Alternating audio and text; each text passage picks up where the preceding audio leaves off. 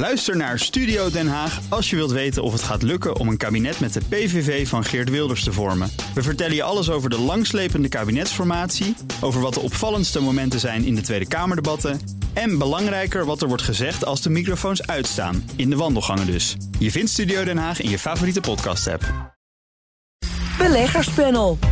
Analisten zijn het er nog niet over eens of de Fed de rente morgen gaat eh, verhogen. En met de overname van Credit Suisse wordt UBS de grootste bank die Zwitserland ooit heeft gekend. En we gaan het allemaal bespreken in het beleggerspanel. Vandaag met uh, Corné van Zel, tegen bij uh, Actiam. En Karel Merks, en hij is beleggingsspecialist bij Beleggersbelangen. Welkom allebei. Dankjewel. Eerst maar eens even jullie eigen transacties, Corné. Ja, uh, ik had een tijdje geleden een column geschreven in het Financieel Dagblad over uh, dat je maar beter korte termijn uh, staatsobligaties in Europa kon kopen. Dat heb ik dus zelf ook gedaan. je hebt eigen advies opgevolgd. Ik heb mijn eigen advies opgevolgd. en dat ja, bleek wonderbaarlijk een goed advies, maar om de voorkomen verkeerde reden. Het, ik schreef de column dat het nou, spaargeld, spaarrente zo laag was dat je eigenlijk heel makkelijk ehm, een extra rendement kon maken door in korte termijn Duitse staatsobligaties te beleggen. Ja. Nou ja, dat heb ik dus gedaan. Maar door alle bankenstress is iedereen naar die korte termijn eh, Duitse staatsobligaties gevlucht. Dus is de rente gekelderd en is de koersen gestegen. Maar uh, ja, je hebt meer aan geluk dan aan wijsheid, zeg ik altijd maar. Dus, uh, maar dit was voor u. Ik, ik was right for the wrong reasons. Ja, oké. Okay. Nou ja, heb je toch wel geprofiteerd dan, ja. inderdaad. Karel, wat was jouw laatste transactie? Ik heb nog wat aandelen Chevron bijgekocht. En de reden is door de bankencrisis ging het Amerikaanse oliebedrijf met ruim 21% onderuit. Dat vond ik volkomen onterecht. Olie is een wereldwijde markt. Ja. China maar, is. Maar mag dat nog olie? ja, zeker, dat mag dat. Het is nog steeds uh, legaal. Ja. En China, de Chinese economie trekt heel sterk aan. Chinese banken hebben de meeste leningen ooit verstrekt. Ze zijn nu bezig met de pent-up demand, net als wij hier in het Westen hebben gekend. Nog steeds heel veel vraag naar nog olie. Nog steeds heel veel vraag. En de Chinese economie is aan het aantrekken. En daarom denk ik dat dit een mooi moment is uh, om tegen 21% korting nog wat stukjes Chevron op te pakken. Oké, nou, dit weekend hebben de Zwitserse autoriteiten de bank UBS gedwongen om Credit Suisse over te nemen. Uh, overleg over deze stap begon donderdag al, hè, want klanten die trokken vorige week 10 miljard euro per dag uh, uit Credit Suisse. Ja, daarmee droogde natuurlijk ook de liquiditeit uh, van de bank op. Ja, Corné, op dinsdag hebben bekend dat de jaarrekeningen grote tekortkomingen bevatten. Um, woensdag zei een Saoedische aandeelhouder dat hij uh, niet meer geld ging bijstorten. Ja, toen was het einde zoek, hè? Want men was natuurlijk al een beetje bezig om Credit Suisse een beetje leeg te trekken, natuurlijk, hè? Nou, inderdaad, want de, de balans was 970 miljard twee jaar geleden en nu nog maar 530 miljard. Dus wat dat betreft was die bank al redelijk leeggetrokken. en daarom moest er ook kapitaal bij. En dat verklaart waarom in december dus die kapitaalsemissie was. Daar hebben ze 4 miljard nog opgehaald. En, Mhm. mm -hmm. en toen was de Saudi National Bank 10% aandeelhouder. Hij heeft er toen nog anderhalf miljard dollar in uh, gestopt, geloof ja, ik. Hè? Ja, inderdaad. Daar zullen ze wel een beetje spijt van hebben. En nog met 300 miljoen voor de over, uh, ja, begrijp ik. Ik denk dat ze vooral spijt hebben van het gesprek. Want het, wat ik het meest bijzondere vond, op dinsdag inderdaad, zoals je zei, zeiden ze dat er onregelmatigheden in de boeken waren. Nou, als je al een bankencrisis in Amerika hebt en je komt met dat soort berichten naar buiten, denk ik van, wow, dit is heel erg. En er gebeurde niks. Min 0,8% was Credit Suisse op maar dinsdag. Ja, Credit Suisse lag natuurlijk al onder vuur, hè? Natuurlijk, ja. maar je zou zeggen... als je met dit soort berichten naar buiten komt... en er is een bankencrisis, ja, dat is spelen met vuur. Dus ik had verwacht dat die koers zou kelderen. En dat gebeurde helemaal niet. En de volgende dag zegt een aandeelhouder van... ja, ik heb al 10% en als ik meer ga kopen... dus uh, dan kom ik aan allerlei regelgeving, wil ik niet voldoen. Dus ik ga zeker niet bijstorten. En op zich een hele legitiem interview, maar wel de veroorzaker van de, de angst onder de markt. En wat je ziet is dat uh, als een koers daalt, heeft het eigenlijk niks met de bank te maken. En er hoeft niks met de bank te gebeuren. Mm. Maar het geeft aan dat het vertrouwen van beleggers uh, aan het afnemen is. En het vertrouwen van beleggers loopt uh, meestal één op één met het vertrouwen van klanten. En klanten gingen toen nog eens extra geld weghalen. Ja, 10, 10 miljard per dag inderdaad was een duur interview van die Saudische. Ja, ja zeker.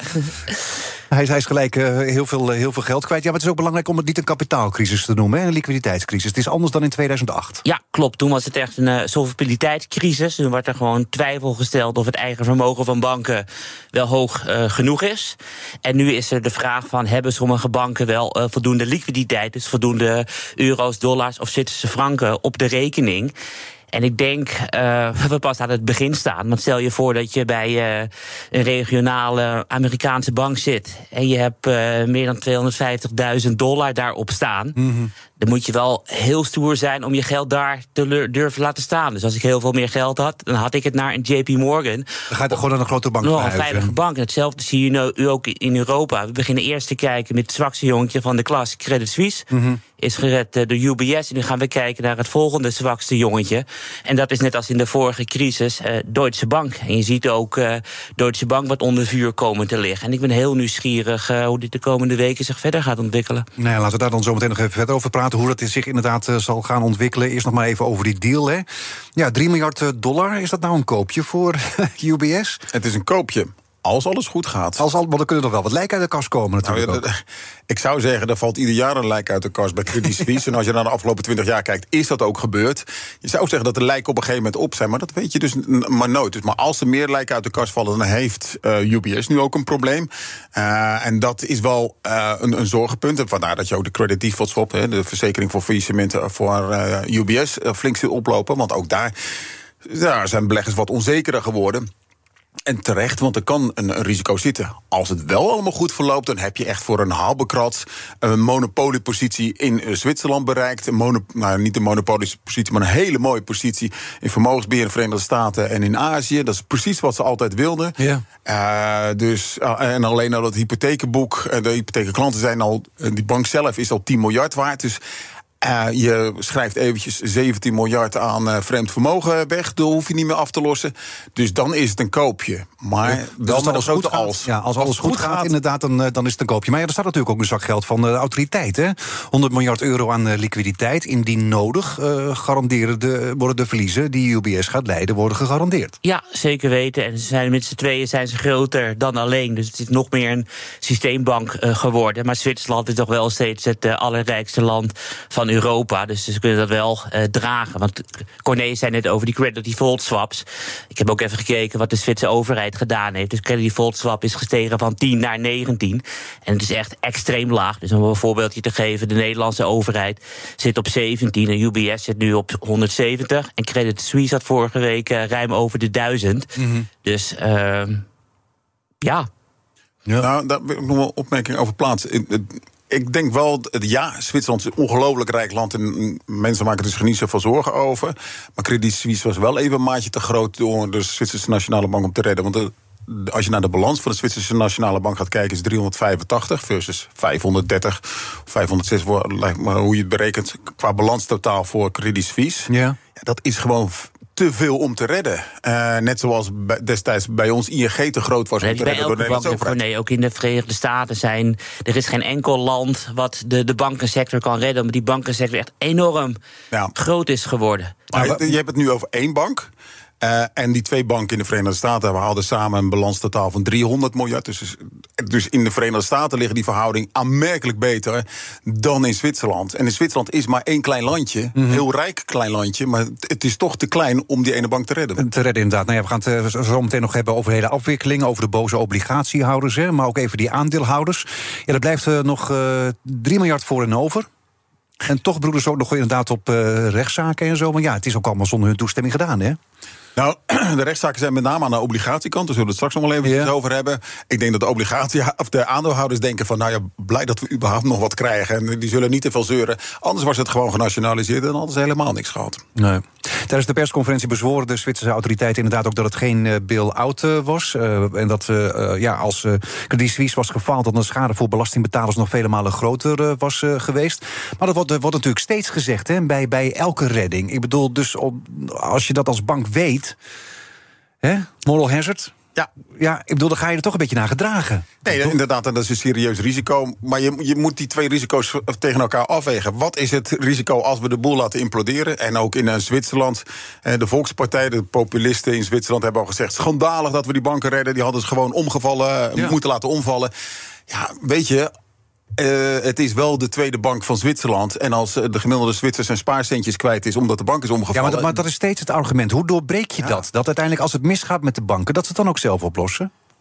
Nou ja, in door dit geval. regelgeving en meer kapitaal te laten aanhouden. Alleen het probleem is natuurlijk, uh, banken zijn heel goed in lobbyen bij de politiek. En het enige waar de gewone man boos om kan worden, is de hoogte van het salaris uh, van de topman. Bijvoorbeeld van meneer Hamers, die nu uh, de basis van UBS, die vroeger de baas van Ik geloof ING de, bon was. de bonussen van die die worden gewoon uitgekeerd. Ja, die toch? worden gewoon uitgekeerd. Ja. Dus het eigenlijk, er moet gewoon meer kapitaal worden aangehouden. Alleen niemand wil dat. Nee. Centrale banken van de, uh, de Bank of Japan tot aan de Fed... die hebben ook zogeheten swaplijnen aangezet. En dan kunnen ze swaplijnen aangezet. Dan kan je inderdaad Klopt. dollars lenen voor, Weet je, uh, dat voor vind de ik bank. heel erg riskant. Of althans, dat vind ik juist het enge ervan. Want er heeft meer dan ooit gebruik van gemaakt. En een swaplijn is dat jij dollars kan krijgen bij een centrale bank...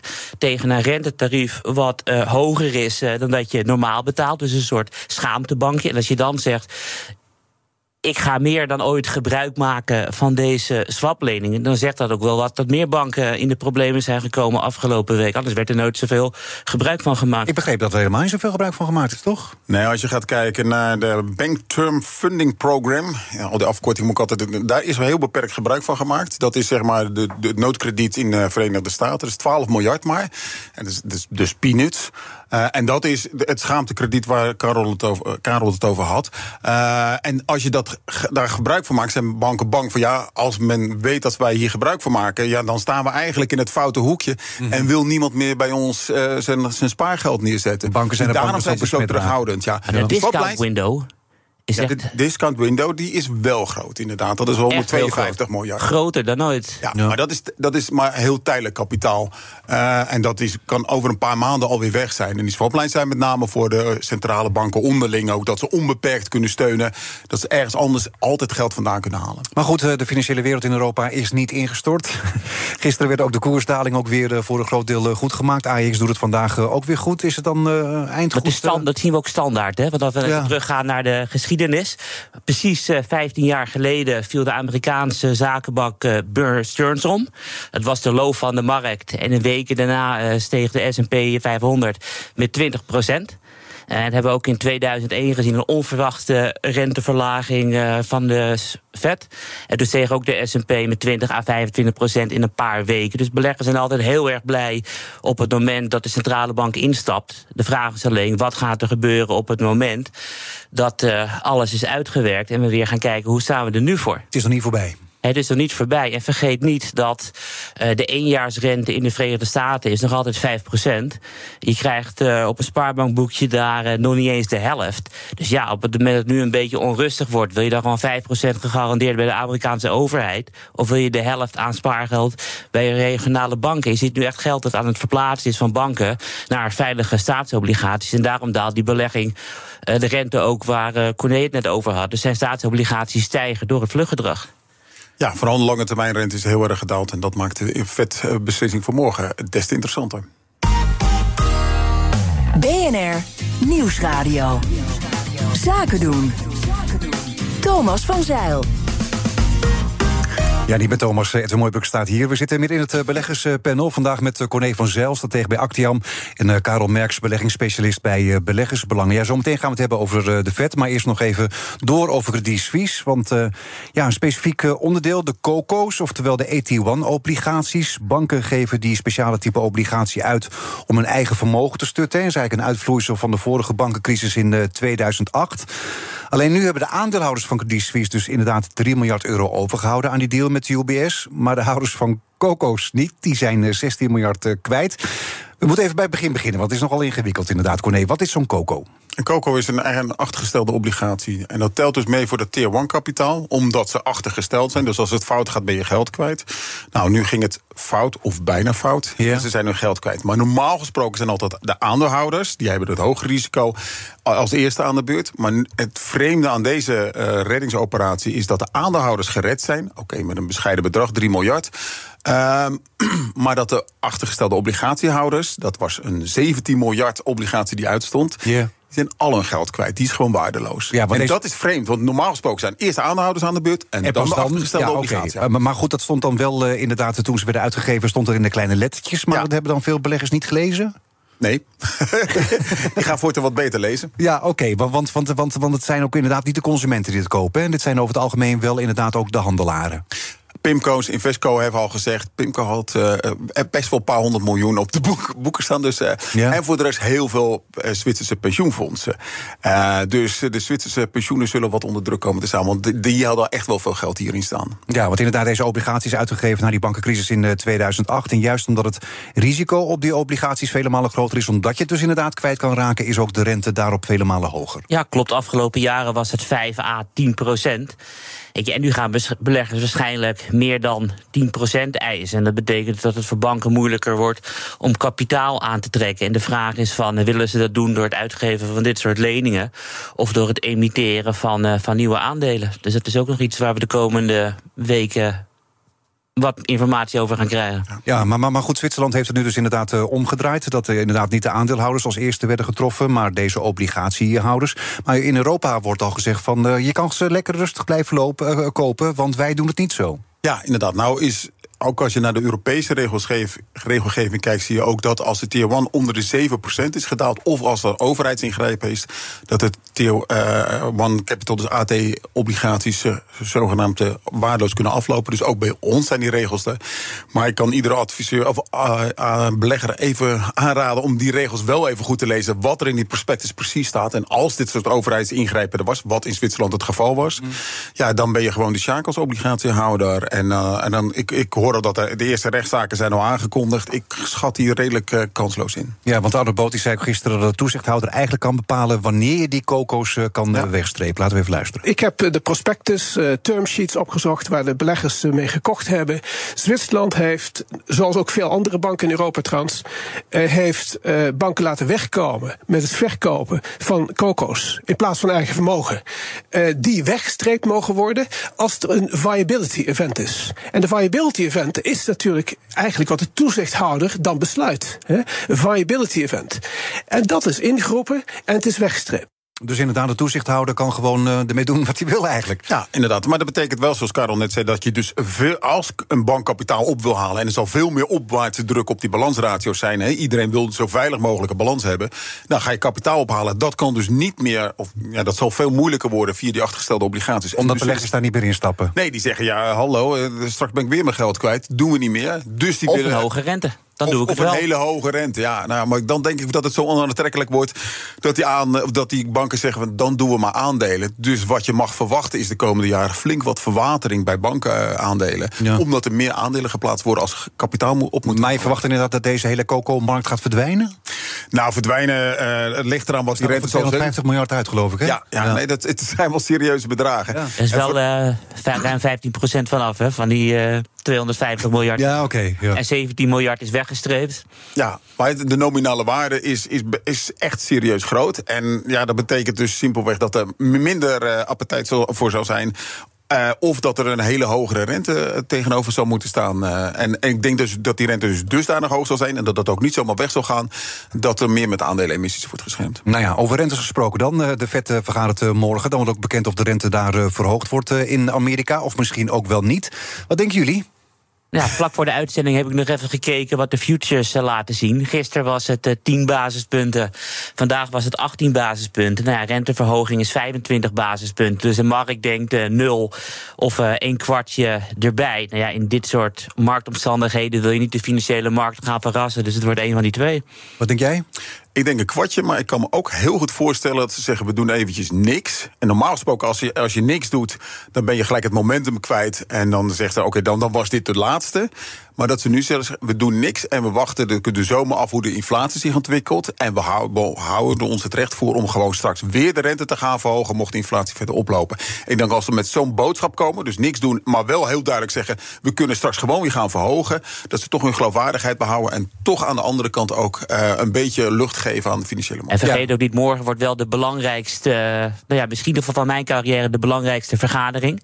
Want als je voor nu hebben we een blackout periode, dat betekent dat de Fed niks mag zeggen over wat ze gaan doen bij het rentebesluit. Mm -hmm. En vlak voor uh, Credit Suisse was de verwachting van de markt dat de rente in december eh, van dit jaar op 5,5 zou staan. Dus nu de verwachting in december dat de rente op 3,5 staan. Dat zijn dus acht uh, renteverlagingen van een kwartje vanaf dat niveau. Mm -hmm Oftewel, uh, dat heeft de markt ingeprijsd. En Jerome Powell, de voorzitter van de Fed, gaat morgen vertellen van die 200 basispunten die jullie van december hebben afgehaald. Is dat terecht?